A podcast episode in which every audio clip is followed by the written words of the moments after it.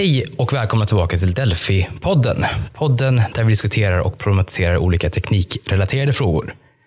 Med mig i studion har jag Linus och Johan. Och till vänster har jag även med mig Mats. Kan du berätta kort om dig själv? Eh, Mats Malmberg heter jag och arbetar på säkerhetsföretaget Center Managed Security.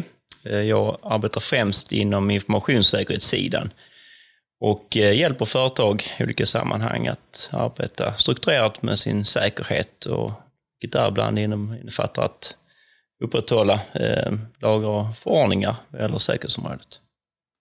Ja, och temat för dagens avsnitt är då informationssäkerhet. Och eh, då börjar vi med första frågan.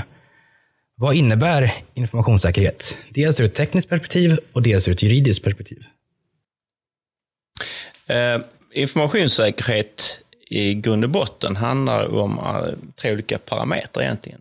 Konfidentialitet av information, att upprätthålla integritet och tillgänglighet olika informationstillgångar.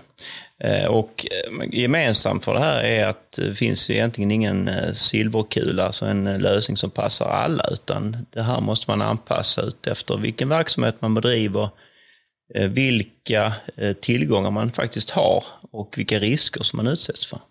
Så att det här är ett, eh, någonting som man måste anpassa efter varje verksamhet.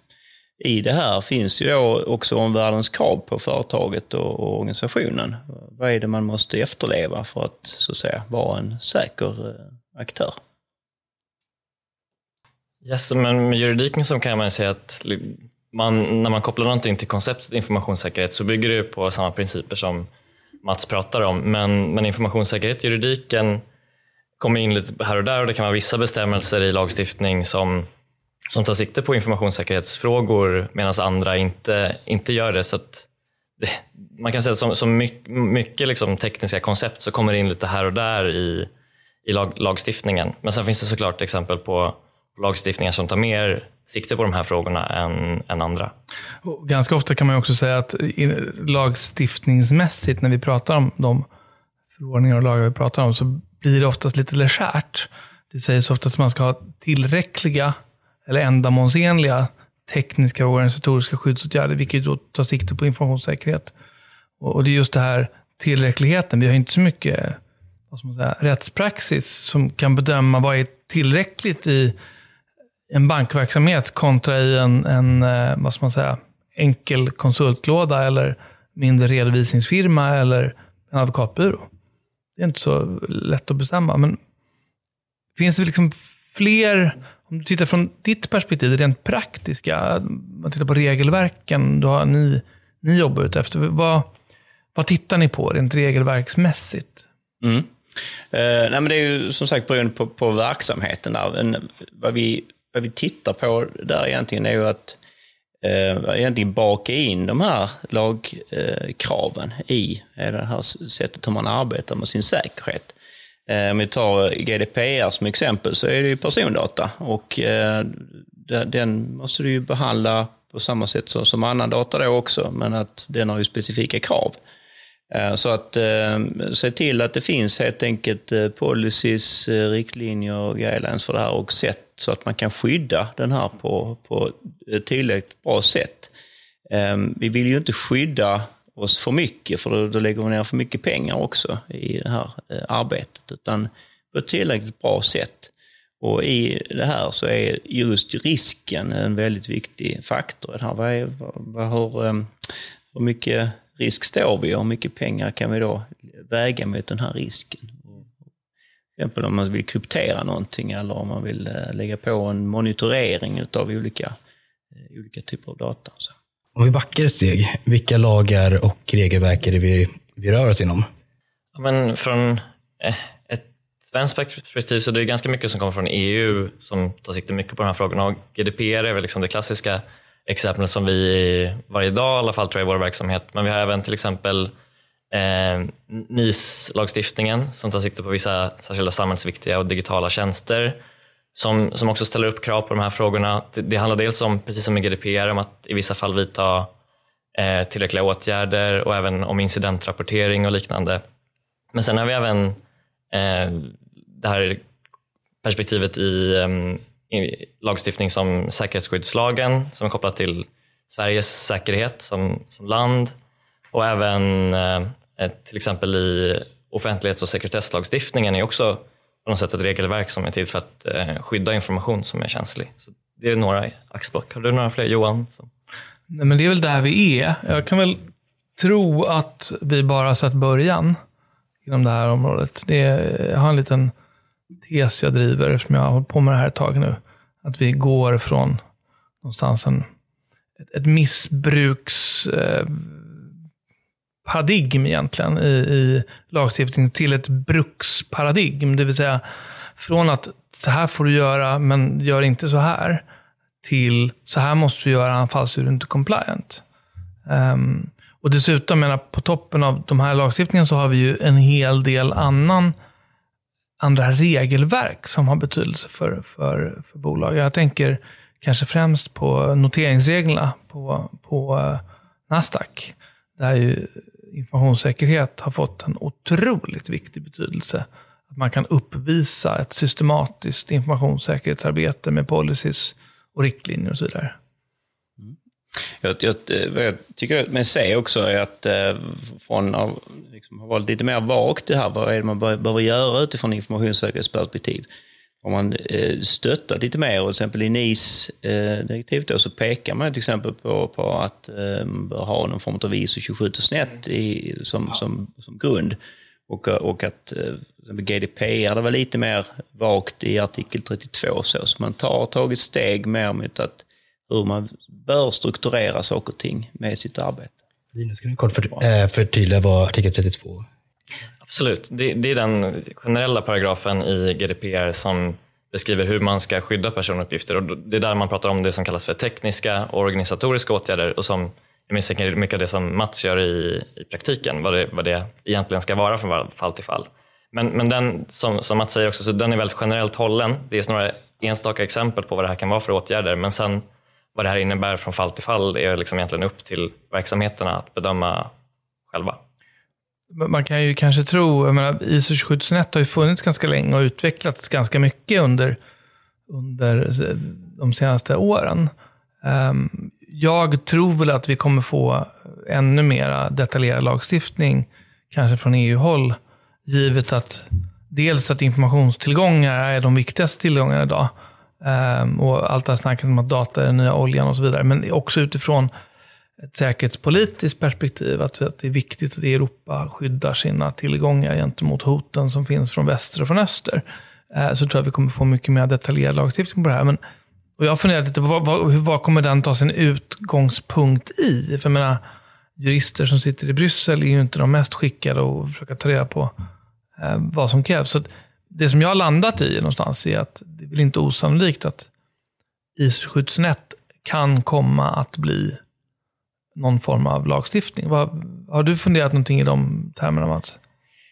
Nej, jag, jag, det är ju en metod, men, men det är fortfarande en certifiering också. Mm, det är en certifiering och, och det, det, används ju också mycket som form av stöd. I NIS behöver du inte certifiera det, men, men eh, man, man ska använda det, man rekommenderar det som ett, som ett ramverk, så att säga, en vägledning i det det är mycket möjligt att man kommer att ta den vägen. Man har eh, i, inom ISO-världen liksom gått ett steg längre på privacy-sidan då, för att så att säga eh, i vissa länder gör man då försök mot att eh, så att säga börja certifiera sig mot GDPR och så. Så det är ju den typen av riktade initiativ som görs. Um, ja, man har ju sett det här också, om vi tar Sverige som, som exempel, så i somras hade vi ju den här attacken mot Coop som fick eh, väldigt många vakna till. det kan hända här i, i Sverige. Eh, där ser vi ju paralleller då i eh, NIS 2 som man håller på att jobba med i Bryssel. Att, att där kommer man ju att väva in även då livsmedelsrelaterade bitar. Eh, vilket man inte har i det som, i som vi har idag. Men eh, det är också eh, jag tror det är en bra väg att gå, men jag tror att den är lång eh, att ha ett generellt sådant. Eh, och eh, det är nog början i den här typen av NIS-direktiv, att man börjar jobba där helt enkelt för att ta ett, ett steg i taget. Man kan även se en viss trend inom EU där man enligt cybersäkerhetsakten ska arbeta enligt, eh, med frivilliga certifieringar som tas fram av eh, Enisa. Sen så ser man även att EU tar fram en EU Cloud Code of Conduct som, kan vara, eh, som vissa kan ansluta sig till. Och vad kan vara fördelen med att följa sådana här eh, certifieringar om de är frivilliga och inte är bindande? Men det, det kan ju bli en större flexibilitet kanske, att man liksom kan anpassa till verksamhetens behov. För att det är väl liksom det här med one size doesn't fit all är väl mm. något som är ett problem med techlagstiftning i allmänhet tycker jag. Att det, det blir otroligt svårt att om man ska ha något meningsfullt innehåll i lagstiftningen att kunna anpassa den på ett, samtidigt på ett bra generellt sätt. Och det är samma sak som att vi har sett ett förslag från EU-kommissionen till en AI-lagstiftning till exempel som som jag är, kan, ska säga att jag är rätt skeptisk mot i vissa bitar för att man har försökt att få, liksom, man har tagit ett väldigt generellt tekniskt koncept och försökt göra en lagstiftning som, som passar till allt och det kanske sällan funkar så bra och där, därför tror jag att det kan vara vettigt att jobba med en del frivilliga certifieringar också som ett alternativ till lagstiftning för att få det, få det att funka på ett sätt som passar bättre i fler sammanhang Jag har en liten eh, också en reflektion på det. För att vi, pratar ganska mycket just nu utifrån ett compliance, governance-perspektiv. Eh, man måste också fundera på vad händer när någonting går snett. Exempelvis eh, att stakeholders kan ha krav på ett bolag som har haft ett intrång eller det har varit så vidare. Och, och då landar vi också i en, i en eh, fackmannamässighetsdiskussion. Det är ett juridiskt begrepp som beskriver om man har gjort någonting på ett sätt som är eh, alltså tillräckligt. På, på, på ett bra, ändamålsenligt sätt. Och då kommer ju, om du då eh, frivilligt certifierar dig eh, via eh, om man gör det via ISO eller om man gör det enligt NISA-certifieringen. Man kan väl inte, kan väl lite pucka att de med NISA hittar på någonting annat än ISO. Jag skulle nästan förvänta mig att de i och för sig kommer göra det bara för att visa sin självständighet. Men om man har gjort det på ett rätt sätt, Ja, då kan man ju visa på att ja, men vi har bedrivit vårt informationssäkerhetsarbete på ett fackmannamässigt ändamålsenligt sätt. Det här hände ändå. Mm. Eh, och på så sätt så kan man titta lite på mellan skadeståndsreglerna om ansvarströsklar och sådana saker. Det kan naturligtvis ha betydelse där också.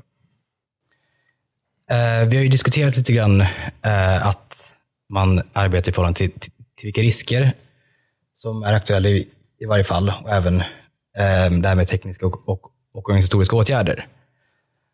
Um, vilka risker kollar du på? Och sen kan vi diskutera ja, men, vilka tekniska och, och organisatoriska åtgärder brukar vara lämpliga att vidta i förhållande till olika risker.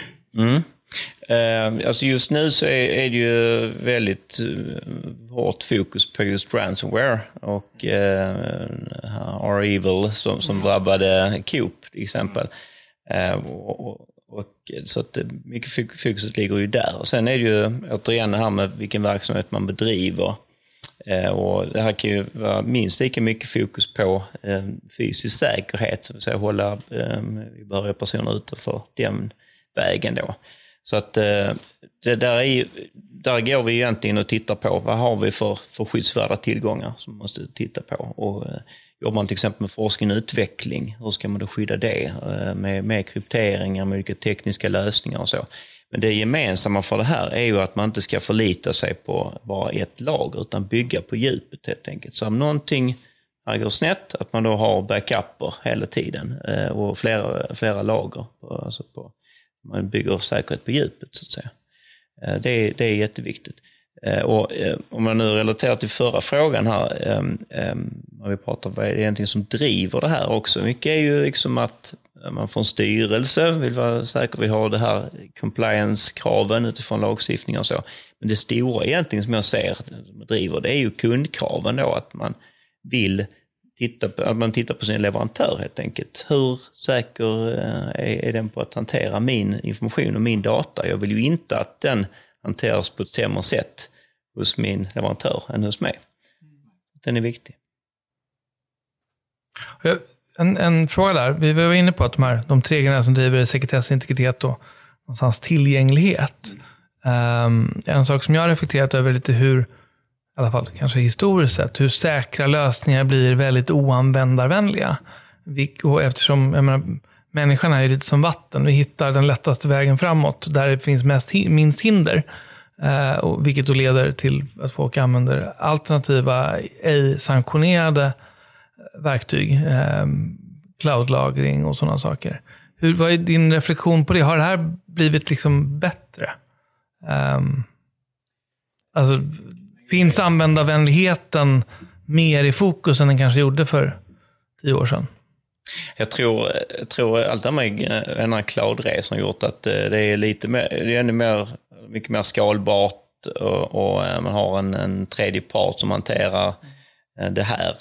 Och, så man behöver kanske lite mer just den här tekniska kompetensen att hantera egna servrar och så. Men det ställer också kravet på att man har konfigurerat saker och ting rätt och att man kan den här cloud-miljön. Det är väl där det här stora gapet eh, ligger så att säga. Så, och samtidigt har det blivit lättare för, för personal att kanske skaffa lite verktyg så, som är bra om man kanske skaffar något halvt HR-verktyg och lägger information som man egentligen inte borde i molnet hos någon tredje part. Mm. Så att det är den typen av saker som sker. Eh, och att man då helt enkelt eh, ja, rundar, i och med att det är så lättillgängligt. Du behöver kanske inte gå, det här kostar kanske ett par tior eller en gratisversion. Så där eh, finns ju en ökning med den här cloudresan som har gjorts. Man kan väl säga att eh, de allra flesta system, där görs det ingen risk och sårbarhetsanalys innan man köper in dem. För att de köps in på en nivå där under testnivåer och under den governance som kanske många företag kräver. Är det, är det, en, är det en riktig eh, tes? Det, det förekommer och det är ju en av de bitar som, som vi jobbar hårt med när, när man då ska implementera ett ISO 27001 eller ett SOC 2 om man nu är aktiv i USA. Så det är en väldigt viktig del i det här. Att eh, just hela den här tredjepartsdelen och att man eh, går rätt väg, att det finns en process för det här med att eh, riskbedöma och analysera vilken typ av data som ska finnas externt.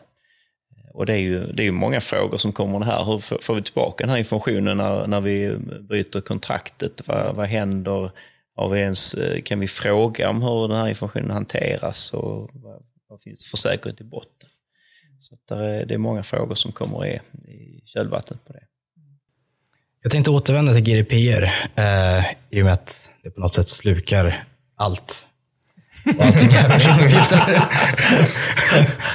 um, Man har GDPR för sina synder. Alltså, ja. um, det finns ju en del tillsynsärenden på området. Uh, för just tekniska och organisatoriska åtgärder. Uh, vilka ärenden är det de här frågorna aktualiseras i och vad är det man kommer fram till i grova drag? Just det. Uh, Okej, okay, så vi ska ha en must know compilation här på tekniska organisatoriska åtgärder. Och greatest hits. Greatest hits. Mm. Precis, men då tänker jag att liksom, ur ett svenskt perspektiv, om vi börjar med en svensk hitlåt, så nej, förlåt. Eh, men, men 1177-ärendet eh, som kom eh, för, när blev det klart nu? I, somras, va? Tror jag beslut, besluten kom. Tidig höst, tror jag. Ja. ja. Mm. Så, men, men, som har varit på tapeten länge sedan, sedan liksom det offentliggjordes att samtal hade läckt från eh, vårdupplysningstelefonen, att funnits eh, öppet tillgängliga det, det är ett som är värt att kolla närmare på. Eh, för det, det, diskuteras dels en del om eh, konfidentialitet och liksom hur uppgifterna ska skyddas ur ett svenskt perspektiv och ett vårt perspektiv. Men det är också intressant att se, tycker jag, särskilt på ansvarsfördelningen mellan de som är personuppgiftsansvariga och bestämmer syftena med att man hanterar personuppgifterna och personuppgiftsbiträdena som är de som, det är ofta en leverantör som ut, hanterar uppgifter på, på den här ansvariges instruktioner och där där har man då till exempel pekat ut både den ansvariga och biträdet som, som huvudansvariga för den här incidenten och till exempel då menar man att eh, eh, biträdet inte hade till, vidtagit tillräckliga skyddsåtgärder. Så den, den tycker jag definitivt är viktig. Sen kan man väl också, just den, det är också, vi pratade lite tidigare om mänskliga faktorn, och, men det är ett väldigt bra exempel på när en väldigt, väldigt liten åtgärd får en väldigt, väldigt stor eh, konsekvens. I och med att det mer eller mindre handlar om att en person eh, stoppar en nätverksladd i en, i en eh, NAS, alltså Network Attached Storage, som inte borde varit nätverksansluten. Det, det, det är det enda som hände. Eh, och det är det som resulterar i denna gigantiska läcka. Så, men där, den har vi från Sverige. Sen, sen så tycker jag från två exempel också som jag vill ha från Storbritannien är det var innan det, Precis, det här var när GDPR gällde på exakt samma sätt i Storbritannien före Brexit. Så då, och det, det, från början var det på gång att bli två av de största sanktionsavgifterna som utfärdas under GDPR. Men dels är det ett mot eh, eh British Airways eh, som handlade om att jag tror att någon hade gjort som en spökkopia av British Airways sida och liksom kunde slussa ut kunduppgifter på den vägen. Den, den är väldigt viktig eh, Eh, med tekniska och organisatoriska åtgärder. Och en annan är mot hotellkedjan Marriott. Och det, handlade, det var egentligen inte Marriott själva som hade gjort felet, utan de hade köpt upp ett bolag eh, med system som låg i det här bolaget där det fanns risker. Och då, det här visar också ansvaret och det tror jag också att man ser mer i, i transaktioner nu, att det blir mycket viktigt att man gör en så kallad due diligence eller kontroll över informationssäkerheten i det man köper. För det här var, som jag, som jag förstått det, det stora, den stora bristen från Marriotts sida, att man inte hade gjort den här kontrollen av, av bolaget och informationssäkerhetsriskerna där ordentligt. Så, ehm, det är de greatest hits jag kommer på så här. Men jag tänkte fortsätta lite på juridikspåret. Eh, och var kom juristen in i bilden kring informationssäkerhetsarbetet? Eh, vad brukar vi behöva tänka på i vårt arbete när vi skriver avtal till exempel? Och vilka medskick har du till, till juristerna i den delen? Ska vi, ska vi börja med från vårt perspektiv? Då? Vi, um, vad ska säga, det, det, är en um, uh, developing story, som man brukar kalla det här på CNN och så vidare. Uh, jag kommer i kontakt med det här i, dels i avtalsskrivande, alltså det vill säga dels när vi tar fram stora paket där det här blir mer och mer aktuellt. Och det finns, precis som du säger Mats, kundkraven. Men det andra området är just noteringsprocessen. Vi, vi hjälper ju bolag i, ganska mycket med, med, noteringar. När vi får frågan om, om eh, informationssäkerhetsfrågan, om att skriva policies och skriva informationssäkerhetspolicies och sådana saker. Och, och ibland så det, det är ganska knivigt att göra det här utan liksom den tekniska kopplingen. Um, så att jag tror att det är där, i, där kommer vi in. Och naturligtvis handlar det om olika typer av, av rådgivning där du har speciallagstiftning att ta hänsyn till. Mm. Jag håller med just eh, noteringsövningarna. Då, då pratar vi ju kanske kontinuitetsplaner, eh, IT-strategier och det här löpande IT-arbetet då som man behöver så att säga, ha på plats inför, inför sin notering. Så att, eh, att den, den är ju viktig. Men jag vänder på, där, där är ju någon, någon, någon eh, skiljelinje här och det är ju när vi pratar, eh, men vi går till GDPR igen, alla sådana här eh, DPA och just den här legala sidan och hantera det. Där, där stannar ju vi så att säga och, och håller oss på, på den, den, den kanten där. Den, det är ju inget område som, som vi går in på överhuvudtaget. Och det, det kan jag väl säga att eh, eftersom jag har erfarenhet av att jobba med er så vet jag att det, att det är på det sättet. Det är, det är inte alla i er bransch som stannar där. Eh, men sen så anställer ganska många er branschjurister också. Så att det, det, är ju en, det är en, eh, en, en utveckling där.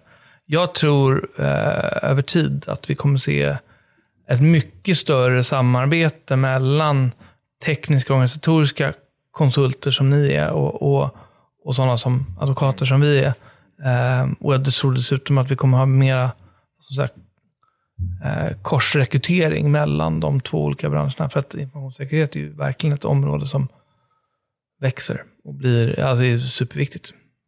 Jag tror att, att eh, det, för att jobba med informationssäkerhet så är ju måste att känna till, inte allt, alltså vara expert i den bemärkelsen, men att man har hum om och liksom har en känsla för. Men nu pratar persondata, vad, vad har vi internationellt och vad har vi här i EU till exempel. Mm.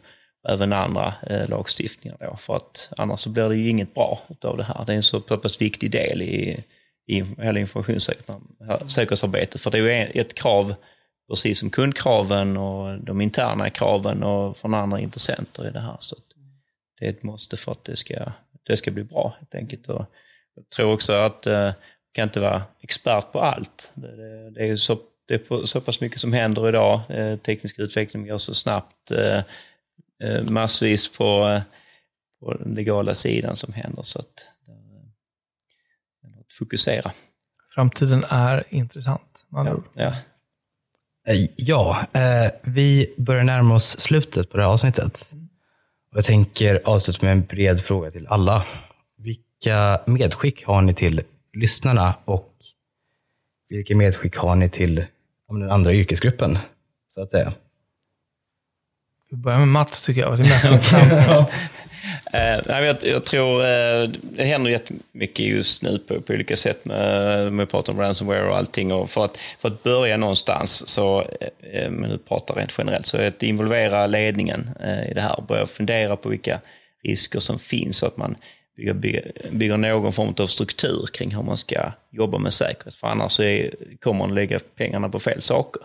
Så involvera dem och få liksom en buy-in. Eh, det, och att det finns någon som äger att, frågorna med informationssäkerhet i företaget eller organisationen. För annars så kommer det bara att sippa mellan stolarna. Eh, och eh, ja, medskick till, eh, till er. Eh, Eh, den är, jag vet inte om jag har någon eh, här jättebra. Men ehm, eh, det, det, kan väl vara ehm, samma här, att ehm, utifrån ett riskperspektiv. Ja, det är väl där, där mycket ligger, så att säga. Att, man kanske inte behöver vara helt compliant alltid, utan hitta liksom, vad, vad kostar de här åtgärderna för att komma i mål. Det, kan finnas, det finns massvis av jättebra lösningar, men det kanske inte är det, här, det, här, det bästa liksom för, för Får jag sammanfatta lite vad du säger? Ett riskorienterat synsätt ja. snarare än ett regelverksorienterat synsätt. Ja, den tycker inte jag är helt eh, inadekvat. Eh, jag vill spinna vidare vad du sa. Eh, att eh, informationssäkerhet blir väldigt ofta en IT-fråga. Det är inte en IT-fråga, det är en ledningsfråga och det är en, det är en bolags och företagsstyrningsfråga. Vilket gör att den hör hemma på styrelse och översta ledningsnivå. Eh, med lämpliga experter både inuti bolaget och ut, utifrån bolaget. Eh, och Det är väldigt viktigt att frågan landar där så att ett, det är rätt, eh, rätt mandat på de som fattar besluten. Och, och, och, två, att beslut tas utifrån, tycker jag, ett riskorienterat synsätt vad som är lämpligast för, för företaget. Men det är inte en IT-fråga och det är väl, jag får återkomma till det. För det är ganska ofta det här landar på IT-avdelningar kan ni fixa det här med säkerheten? Och, och de någonstans är en, en leverantör till organisationen som någonstans måste eh, förhålla sig till vad organisationen vill. Och det blir, då blir det fel från början. Ja, men jag kan bara säga alldeles kort också. Jag, jag, jag tycker det är viktigt att ta tillvara på det som vi sa tidigare i avsnittet, det här med att eh, informationssäkerhet det är liksom en affärsfråga också. Liksom. Det kommer vara något som är centralt i förhållande till, till kunder framåt och som kommer finnas kvar. Så det, det är väldigt viktigt att ta med sig. Och sen så tips till andra sidan, det är tips till båda sidorna egentligen tror jag, men det är liksom att våga vara nyfikna på varandras eh, kompetenser och liksom att våga gräva och våga fråga, fråga mer för att förstå varandra bättre, kunna jobba bättre ihop. Ja, men då tackar vi Mats så mycket för att du tog dig tid att komma hit. Tack för att du fick vara här.